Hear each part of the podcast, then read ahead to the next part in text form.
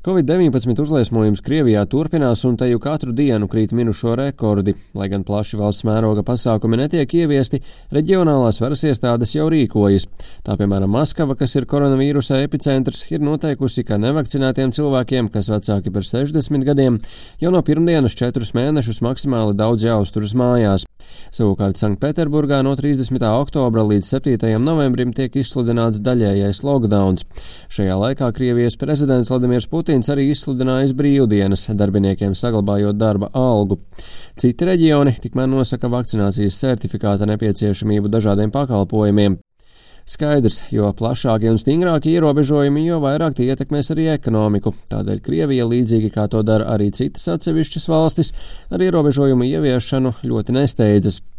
Krievijas centrālā banka nav pazeminājusi ekonomikas izaugsmes prognozes, proti iekšzemes koprodukts šogad palielināsies par 4 līdz 4,5%, bet nākamgad par 2 līdz 3%.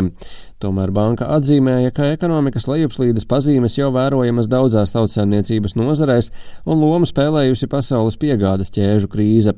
Analītiķi norāda, ka Krievijas ekonomiku noteikti jaunākais Covid-19 uzliesmojums ietekmēs. Jau septembrī tika sasniegts augstākais inflācijas līmenis kopš 2016. gada, bet ekonomisti brīdina, ka tā vēl turpinās kāpt. Centrālā banka norādīja, ka inflācija aug ievērojami virs prognozētā līmeņa un sagaidāms, ka šī gada beigās tā būs 7,4 līdz 7,9% robežās. Tas ir liels pieaugums salīdzinājumā ar iepriekš jūlijā noteikto prognozi zem 6%. Centrālās bankas vadītāja Elvīra Nabijūļina uzņēmusi agresīvu pieeju inflācijas savaldīšanai un jau vairākus mēnešus brīdinājusi, ka cenu kāpums draud izjaukt Krievijas atvesaļošanos. Banka piekdien par 0,75% punktiem paaugstināja procentu likmi līdz 7,5%. Nabijūļina sacīja, ka opcijas paredz arī tālāku likmes paaugstināšanu, jo mērķis esot samazināt inflāciju atpakaļ līdz 4% līmenim. Tas gan esot ļoti optimistisks scenārijs, tā uzskata reitingu aģentūras NKR vecākais direktors Aleksandrs Proklovs. Я бы сказал, наверное, это все-таки менее реалистичный вариант, нежели сохранение инфляции или, скажем, снижение инфляции хотя бы. Es teiktu, ka realistiskāks variants ir inflācijas noturēšana pašreizējā līmenī vai samazinājums līdz 5 vai 6 procentiem. Lai inflācija samazinātos līdz 4 procentiem, nepieciešams ātras un pozitīvas izmaiņas globālajā tirzniecībā un loģistikā. Un šobrīd nešķiet, ka ko tādu varētu paredzēt. Tādēļ atgriešanās pie 4% nākamā gada beigās drīzāk ir optimistisks, nevis realistisks skats uz lietām. Kā uz vienu no inflāciju veicinošiem faktoriem, Krievu ekonomisti norāda uz prezidenta Vladimira Putina dāsno naudas piešķiršanu pensionāriem un militāru personām pirms pagājušā mēneša parlamenta vēlēšanām. Kompānijas Sova Capital ekonomisti prognozēja, ka jaunie ierobežojumi varētu Krievijas ekonomikas izaugsmē šogad atņemt aptuveni 0,3% punktus. Bet kaitējums varētu būt lielāks, ja Kremlis nolems brīvdienas pagarināt. Sova kapitāla galvenais ekonomists Arčuns Zaigrins skaidrojis, ka pakalpojumi veido vairāk nekā trīs ceturdaļas no Maskavas ekonomikas. Tādēļ stingrajiem ierobežojumiem visticamāk būs būtiska ietekme.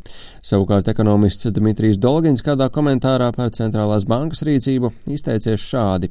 Būtībā centrālā banka neuzskata, ka tai būtu jārēģē uz pandēmiju. Ideālā gadījumā karantīnas negatīvo ietekmi uz uzņēmumiem un mājsaimniecībām var novērst izmantojot valdības budžeta politikas instrumentus, nevis monetāros instrumentus. Tikmēr aktuāls jautājums ir arī enerģijas krīze. Kā raksta Wall Street Journal, mērķis izskaust fosilo kurināmo ir palielinājis Eiropas atkarību no dabas gāzes, kuras galvenā piegādātāja ir tieši Krievija.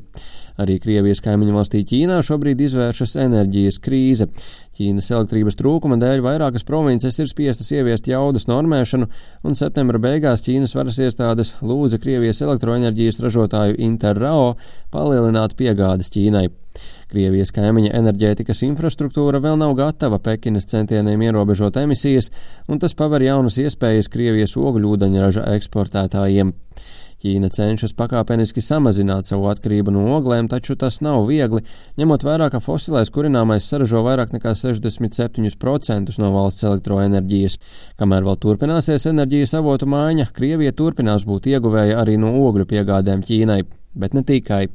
Viens no iespējamajiem ogļu aizstājējiem ir gāze, un paredzams, ka līdz 2035. gadam Ķīnas pieprasījums pēc gāzes dubultosies.